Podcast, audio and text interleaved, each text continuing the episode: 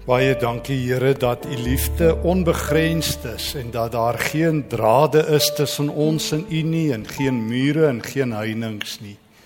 Dankie dat u dit afgebreek het by die kruis. Dankie Here Jesus dat u elke hindernis uit die pad gevat het.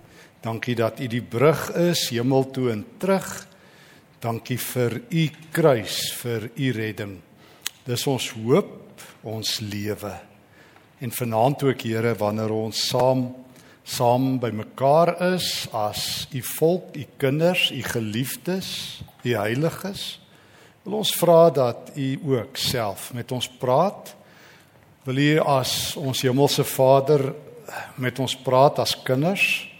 Wil u vir ons die pad wys en deur die Heilige Gees vanaand ook oop ore en goeie harte gee om u woord goed te ontvang? En om u woord te hoor, te verstaan en te gaan doen. Asseblief Here, help ons daarmee. Die prediker kan dit nie reg kry nie, net u Gees kan. Asseblief in Jesus se naam. Amen. Die ehm um, bekende Paul Getty was op sy dag daar rondom die 1970s die rykste persoon, die rykste individu in die wêreld. In 1973 is sy kleinseun ontvoer. En die ouens het 'n klomp geld geëis. 30 miljoen dollar of so as ek reg onthou in die begin. Uiteindelik het hulle na onderhandelinge en wat alles die losprys afgebring en Paul Getty het geweier om dit te betaal.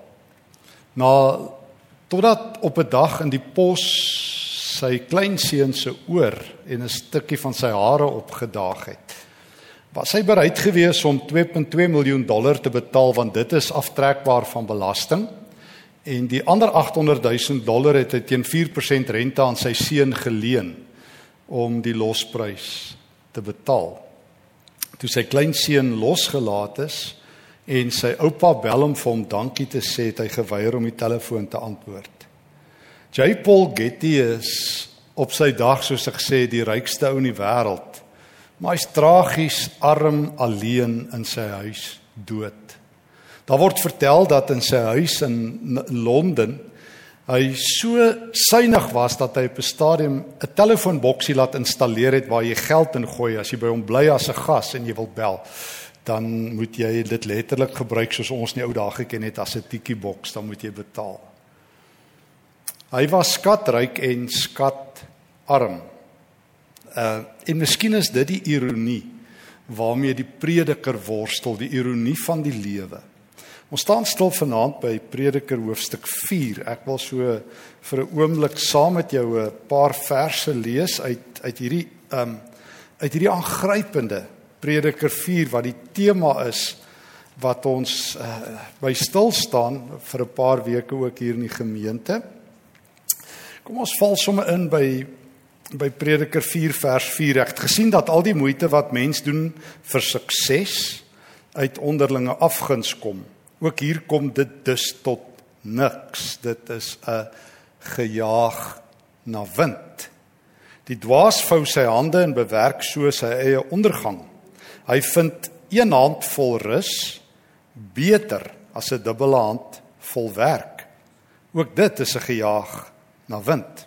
Ek het in hierdie wêreld nog meer gesien wat tot niks kom nie.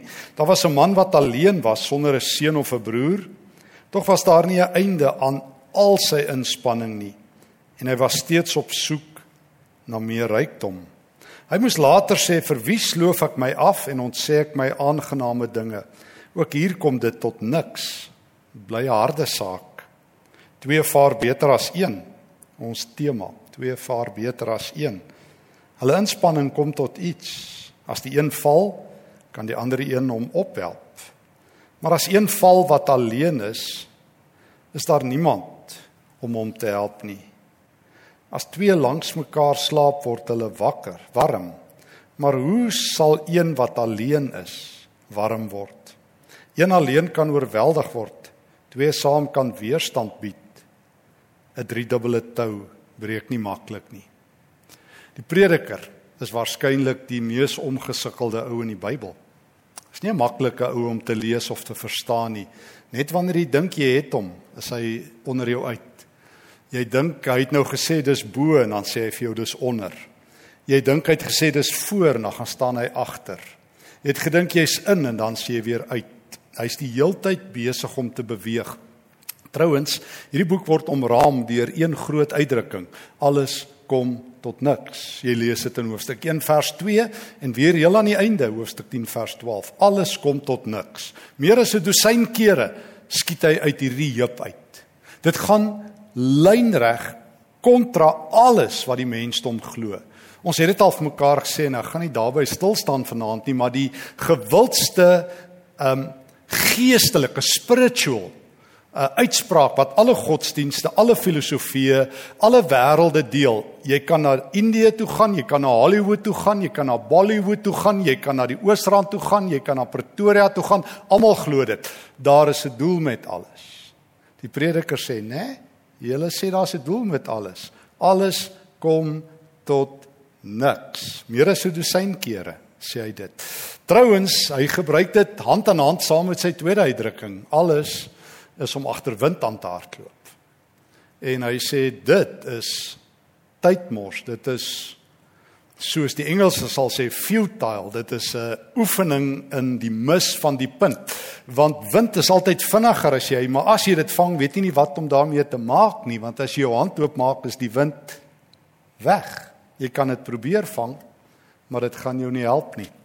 Dis 'n idioom wat hy gebruik om te sê kyk as jy nou wil jou lewe mors met die wind jaag.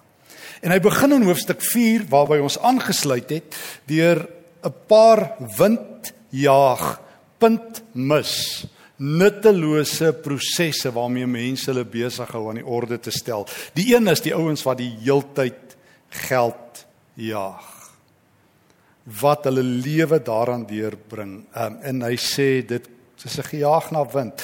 Dan kyk hy na die teenpool. Dan kyk hy na die leier wat sê ag nee wat, ek gaan nie so lewe nie. Hy sê letterlik in die Hebreëse teks, hulle is so lui dat hulle hulle eie liggaam opeet. Hulle word amper kannibale op hulle self. Dis 'n verskriklike sterk Hebreëse uitdrukking. Hulle hulle sit net met hulle arms gevou en hulle bewerk hulle eie ondergang. So een spul werk hulle dood en die ander ouens doen hulle self dood niks nie en die effek is dieselfde. Um En dan sê hy is daar hierdie alleen mense. Die Paul Gettys van hierdie wêreld daar in uh, vers 7. Hulle het nie vriende nie. Hulle lewe gaan net om hulle self. Home alone. Hulle werk vir hulle self, leef vir hulle self. En dit is tans as jy die groot navorsers in die FSA glo, die die American Psychological Association het 'n groot studie ge, gedoen wat hulle bekend gestel het of daar's baie maar een wat hulle saamgesit het in 2018 en sê die grootste enkele siekte wat die hele wêreld tref is sosiale isolasie social isolation. Meer as die helfte van die Amerikaanse bevolking ly aan een of ander tyd in hulle lewe aan totale sosiale isolasie, totale eensaamheid. Ek is op my eie. Ek voel ver van mense. En die gevolge van sosiale isolasie is verskriklik. Ek onthou ek 'n paar jaar gelede uh vasgeloop in 'n boek van Susan Turkle. Sy is 'n bekende professor en 'n navorser daar by MIT in Amerika en sy het um, baie populêre boeke geskryf. En ek onthou een van haar boeke met die titel Alone Together. Alleen saam. Alone together. Eating alone together ken ek 'n ander boek met ook so amper so titel. Waar sy gaan navorsing doen het onder die jong generasie skoolkinders in Amerika. Wie se lewe verskuif het na hierdie masjien wat hulle beste vriend geword het. En gaan toets het of hulle gelukkiger is en groot mense wat dit al lankal doen. Wie se beste vriend hulle hulle selfoon is. Nou Dis ook nie nuut dat dit meeste mense se beste vriend is nie. Ehm um, ek onthou 'n studie in die 1980s wat al bevind het dat ehm uh, in in Brittanje dat as jong mense hulle selfone verloor en hulle kan dit nie binne 14 dae vervang nie, gaan hulle deur dieselfde rouprosesse as wanneer jy 'n mens aan die dood verloor. Regtig. Ek bedoel as dit jou nie yskoud maak nie. Dit is baie ons erger om 'n selfoon te verloor as om 'n familielid aan die dood te verloor. Dis wat dit beteken. Genuine sê die navorsing. Susan Turkle het bevind dat ehm um, met al die voordele wat dit het, het dit die totale kommunikasiemodus geword van ons dag. En mense is dit beloof jy sal nooit alleen wees nie. Maar al wat dit doen maak jou tyd vol, maar dit vat geen alleenheid weg nie. Ons is in 'n so samelewing waar jy en ek lewe waar daar die meeste geestesgesondheidsiektes is, die meeste geestesversteurings en mense meer alleen is nou dat almal sogenaamd gekonnekteer, connected is. Is dit die samelewing, die wêreld wat die meeste alleen is? Hoe kan dit wees ons kan die heeltyd op enige plek op aarde met mekaar praat en ons wil ook. Jy sit iemand hierdie afgelope vakansie in die Bosveld en binne 'n halfuur het hulle onttrekkingssimptome, is nie 'n selfoon of daar nie ontvangs of baie wifi is soos iemand gesê het nie. Dan het hulle onttrekkingssimptome. Dan voel hulle daar gaan die wêreld. Ehm um, hulle ons het almal daai probleem van alleen ons kan nie alleen wees nie. En en die prediker sê hierdie is die grootste enkele dilemma wat hy in sy dag gesien het. Hierdie eisters wat so op hul eie gaan. Jy lewe so vir jouself, jy's hierdie selfgemaakte persoon. Jy gaan op jou eie aan. Hy sê en jy werk jou dood en op 'n dag sê jy vir wie sloof ek my af? Paul Getty, jy is skatryk, maar jy is op die ou end skat arm. En daarom sê die prediker dis die eerste keer in hierdie verse dat hy positief raak. Want tot nou toe sê hy al hierdie goeters, hy sê jy kan dit doen. Jy kan jou dood jaag vir geld of jy kan dood lui wees. Jy kan kies. Albei is ewe gevaarlik. Of jy kan heeltemal op jou eie gaan. Hy sê maar daar's een ding wat jy van die lewe moet weet. Jy is nie gemaak om alleen te wees nie. Hoe het daai een Amerikaans ou gesê no man is an island? Was dit ehm um, Ja, no man is an island. Jy is nie gemaak om alleen te wees nie. Die eerste keer dat God in die Bybel sê iets is nie goed nie, is in Genesis 2 vers 18. Dit is nie goed dat die mens alleen is nie. Sê God. Dit is nie goed dat jy alleen is nie. Die mens is gemaak vir verhoudings, vir saam wees, saam lewe en saam doen. En jy breek amper God se orde as jy op jou eie gaan en sê ek het niemand nodig nie, ek kan op my eie regkom. En ek weet wat ek nou sê is 'n stereotipe, maar ek onthou ons het al 4 jaar of 5 jaar in die buiteland gebly en so 15 maande in Duitsland. En die een ding wat my altyd gegryp het en dis my stereotipe toe ons in Duitsland gebly het toe ek daar by universiteit gewerk het. My kinders was nie skool, was die alleenheid van die Duitsers. Die absolute alleenheid. Dat ek vir hulle gesê het ek moet ek kan nie glo nie, julle is almal, julle het alles behalwe verhoudings en dis nie heeltemal waar nie. Maar jy moet afspraak maak as jy by jou kollega wil gaan kuier, jy kan nie net inval nie. Nou die dag vertel iemand vir my sy um, seun is getroud met 'n met 'n Hollandse vrou en hy stop of andersom sy dogter is 'n Hollandse man getroud en sy stop by haar skoonma en die skoonma sê van nee maar jy het nie afspraak gemaak nie jy kan nie nou kom kuier nie. Die alleenheid van jy het alles jy het hierdie jy het alles wat jy wil kan koop met geld jy het al die veiligheid waarna ons almal so smag in Suid-Afrika Maar op die ouend is jy waaragtig alleen. En en hier's die ding. Die navorsing sê sosiale uh, deprivasie, sosiale isolasie bring groot geestesgesondheidsiektes. Dit maak ehm um, verslawing aan nikotien, aan dwelms, aan drank, uh, baie meer vir mense om daai alleenheid weg te vat. En Menslik gesproke is die lewensverwagting van mense wat alleen so deur die lewe gaan baie hoër. Uh, ag baie korter as mense wat na mekaar toe lewe.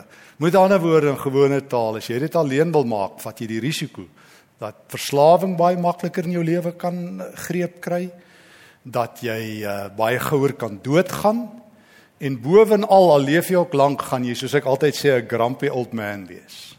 Angry young men soon turn into grumpy old men. gaan jy lekker dik klip en lang gesig wees want mense wat op hulle eie is is geïrriteerd en sinies en bitter en moeilik want hulle het niemand nodig nie maar hulle is alleen. En ek vra eendag vir 'n ou, hoe is dit dat jy so is? Hy sê hy het een fout gemaak, hy het 40 jaar terug nie genoeg vriende gemaak nie. Dis nou te laat sê hy. Ek sê nee, ek kan so dink is te laat om op 80 vriende te maak. Daar's nie asof jy dit gou op Facebook gaan sit en almal wil jou vriend wees dan nie. En daarom sê die prediker, 2 vaar beter as 1 vers 9. 2 vaar beter as 1. Da, nou die dag sien ek was op um, op die televisiekanale was die die Batman flieke weer op Batman Begins, ek dink hy's van 2005 nou daar in Gotham City dan sit Commissioner Gordon. Ekskuus die ouens wat weet, die ouens wat nie weet nie, moenie bekommer nie. Dan sit Commissioner Gordon en hy's alleen. En hy kyk so en hy sê, "Hoe gaan hy al die for, die the forces of darkness, hoe gaan hy al die donkerte van Gotham City beveg?" En die volgende dag Batman op en toe sê Batman vir hom, "Now we are two." Nou is ons twee. Dit is presies wat die prediker in die Here se woord bedoel. Die oomblik as jy alleen is. En nou noem hy 'n paar dinge wat twee mense kan doen. Baie konkreet, baie prakties. Hy sê hulle werk, hulle inspanning kom tot iets. So twee mense. Hoe sê die Afrikaanse spreekwoord twee koppe vaar beter as een? Jy kan ten minste die IK bietjie op opskerp en jy kan ten minste die die kreatiwiteit 'n bietjie verder vat. So die prediker sê heel prakties. As jy iets moet doen, kry iemand om jou te help. Of gaan leer by iemand. Maar moet nie dink jy kan alles op jou eie doen nie. Want jy gaan vir 'n ruk regkom. Maar lees die spasie. Min mense kry dit eintlik reg. So God se woord roep jou op. Moenie alles alleen doen nie. Jy's nie gebou om alles alleen te doen nie. Vandat sonde in die wêreld gekom het, is daar ongelukkig nie meer een perfekte mens nie. Het ons mekaar nodig. En het God Eva vir Adam gegee, want sy het gesien want God het gesien hierdie ou gaan dit nie maak nie. Hy is tuis alleen, home alone. Hy gaan dit nie maak nie en soos wat ek altyd vir myself sê, mans kan enigiets doen. Hulle kan die Gauteng se paaie aandurf, hulle kan griep uitstaan, maar hulle kan nie alleen wees nie. En daarom het God 'n helper vir die man gegee. Dit sê hy in Genesis 2. En 'n helper soos ek altyd vir myself sê en vir ander mense, 'n helper kan jou net help sê iets beter as jy kan doen. So dis hoekom God vrou vir die man gegee het, want hy het geweet hierdie ou gaan dit nie op sy eie maak nie. Mans dink hulle kan. En ons sê baie gou-gou die vrouens is die swakker geslag, maar raai wie leef die langste? Ja, so ehm um, statistiek sê vroue leef langer. Dis wat die statistiek sê en ek strei nie daarmee nie, dit klink so. So, daarom sê die Here moenie sover jy kan alleen lewe nie. Maar dit gaan nie net oor die huwelik nie, dit gaan oor alles wat jy doen. Moenie alleen deur die lewe gaan nie. Jy gaan dalk 'n gemaakte man en 'n gemaakte vrou en 'n gemaakte wat se naam wees en almal gaan vir jou hande klap en op 'n dag, eendag op 'n eendag is alles verby, dan as jy alleen. Dan het jy niemand naby jou nie. Ek sal nooit die woorde vergeet. Ek was 'n jong ouetjie en ek het um, by 'n dominee se afskeid gesit. In daai jare kon dominees nie lokaal en jy sal onthou, hulle het nie eintlik vriende gemaak nie. Dat ons is ook so opgelei op onthou toe ek teologie geswat het, het hulle gesê die predikant moet eintlik nie vriende in die gemeente hê nie, so laat jy nou so die Here se woord kan aankondig. Ek onthou van hierdie dominee wat vertel het hy het nooit vriende gehad nie en ek het vir my vrou gesê dit moet 'n hartseer man wees. Dat die evangelie jou weghou van mense. Want die evangelie is juis gebou. Jesus het juis 'n brug na ons toe gebou en hy het gesê, hy het nie net my kom red, hy het my gered om 'n seën vir mense rondom my te wees en hy het ander mense gegee om 'n seën vir my te wees. Ons het mekaar nodig. Kerk is 'n familie. Dis nie individue nie. En daarom so die eerste een, ons het mekaar nodig. Saamwerk So as jy 'n projek aanpak kry, maar tweedens, vers 10, as een val, kan die ander een hom ophelp. Ek weet nie van julle nie, maar dit is 'n feit dat ons baie keer val. Jy val oor jou voete, jy val oor jou woorde, jy val oor sonde. Maar ons almal het 'n geneigtheid om te val op baie maniere. Nie waar nie. En ek dink ons almal het al baie keer geval, van oor ons voete tot oor ons woorde tot oor struikelinge. En die prediker sê, die een ding wat jy moet regkry Jy as jy twee mense is en jy het iemand naby jou kan jou help as jy val. Want dit is verskriklik om te bly lê as jy geval het. Nee, as jy fisies geval het, kan iemand jou optel. Maar geestelik ook. Paulus sê vir die Galasiërs, daar Galasiërs 6. Hy sê broers en susters, as iemand van julle in in een of ander sonde val, moet julle wat julle deur die Gees laat lei, so iemand in 'n gees van sagmoedigheid reghelp. Soos jy sien 'n ander Christen maak droog. 'n Kerkou maak droog. Dan sit jy nie gou op die telefoon en jy bel die dom nie nie. Ek onthou die rukkie toe ek 'n dominee was daar in Kempton, onthou ek een aand soos helder daglik toe 'n tannie my bel en sê: "As jy nou kom, ek sien nou hier deur die venster hoe slaan die buurman sy vrou." Maar sy sal nie gaan nie. Maar Stefan moet kom al het hy nie 'n swart beld en een of ander iets nie. Hy moet kom. Maar sy sal nie iets doen nie. Paulus sê as jy sien, jy, nie, jy dan bel jy die 911 nommer van die kerk nie. As jy sien iemand maak droog, jy hulle gaan help kan jy iemand optel. Jy sit nie daar op Facebook lekker het gesien so en so het oor sondes geval nie. Jy sê ja, kyk net waar gaan die land heen? Kyk hoe gaan die ouens aan nie. Jy stop en jy tel iemand op. Sê vir hulle mens moenie so maak nie. Ek skryf jou nie af nie, ek veroordeel jou nie. Ek is hier om jou te help. Hoe kan ek jou help om vorentoe te val? Dit was John Maxwell wat daaroor geskryf het wat gesê het meeste mense val agteroor jy val dieper in die gemors. Soos Dawid, onthou hulle dan 2 Samuel 11, as hy Batsheba afvloer, hy val al dieper en dieper totdat God uiteindelik die profeet Nathan stuur om soos 'n broer met die koning te praat. Koning, jy moenie so maak nie. Dit is nogal moeilik om mense aan te spreek. Mense hou nie daarvan nie. Hoeveel keer is Matteus 7 al op my getrek? Wie's jy om te veroordeel? Nee nee, ek veroordeel nie, ek is jou broer. Ek kom met die gesindheid van Christus. Kan ek langs jou buig, jou hand vat? Kan ek saam met jou bid? Kan ek die modder van jou afvee? Ek sal nooit vergeet nie toe ek in Benoni was as 'n jong ouetjie as 'n dit was ek was so in die, die gemeente daar. Was dit die tyd van die onluste in Suid-Afrika? Een van ons uh, gemeentelede het skool gehou in in Davidton. En so met die onlus die eendag by daai skool toe storm 'n klomp ouens op hom af en hulle gooi hom met eiers. En toe hy voel hy sy kop vasgegryp en toe hy so kyk, toe staan 'n klomp mense om hom. En toe sy oë oopmaak, is dit klomp van sy skooliere. En hulle keer, hulle sê en hy vra hulle na tyd, "Hoekom het julle julle lewens in gevaar gestel vir my?" Sê hulle, "Sir, we cannot let you fall. We'll take the bullets." Because you're a man of God and we love God. Daai het so diep indruk op my gemaak. Maak nie saak of ek Afrikaans of Engels of oud of jonk of 'n Christen of 'n heiden of wit of swart of bruin, maak nie saak nie. As Jesus se liefde in my lewe is, dan is ek daar vir ander mense.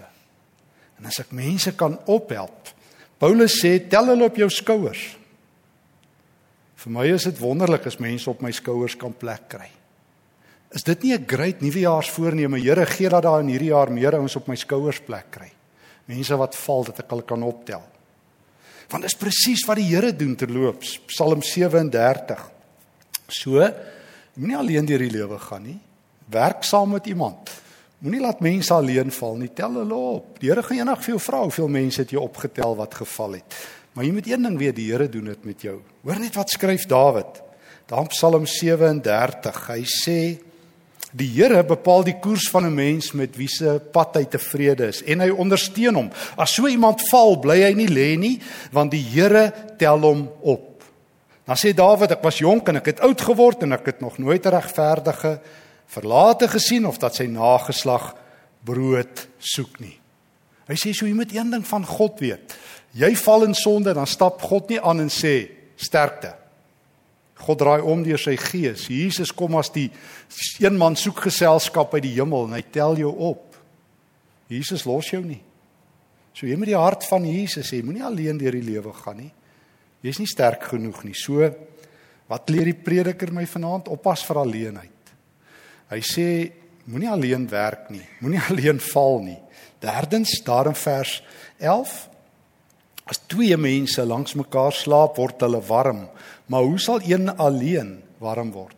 Ja, en hy verduidelik ook die skrifouens wat die tekste uitlê sê vir ons dit verwys na die huwelik. Maar dit verwys ook daarna dat menslike nabyheid goed is. Wie van julle het nie hierdie vakansie as julle bevoorreg was om saam met familie of goeie vriende te kuier nie? Ons het die afgelope naweek saam met van ons goeie vriende weg gewees en dit was vir ons soos ons bekertjie is vol. Die warmte wat jy beleef om by 'n vriend te wees, 'n veilige plek te hê, mense wat jou koester, wat vir jou omgee. Prediker sê dis wat jy nodig het. So die vraag is, het jy vriende in jou lewe? Goeie vriende. Maklik om te sê almal is jou pel op Facebook het jy 'n hele sarsie. Maar ek praat van daai vriende wat as hulle val, sal hulle weet jy sal hulle vang. As hulle droog maak, jy sal hulle sê. As jy in die moeilikheid is, kan jy op hulle knoppie druk. Hulle sal jou warm hou. As jy kos nodig het, sal hulle vir jou brood gee.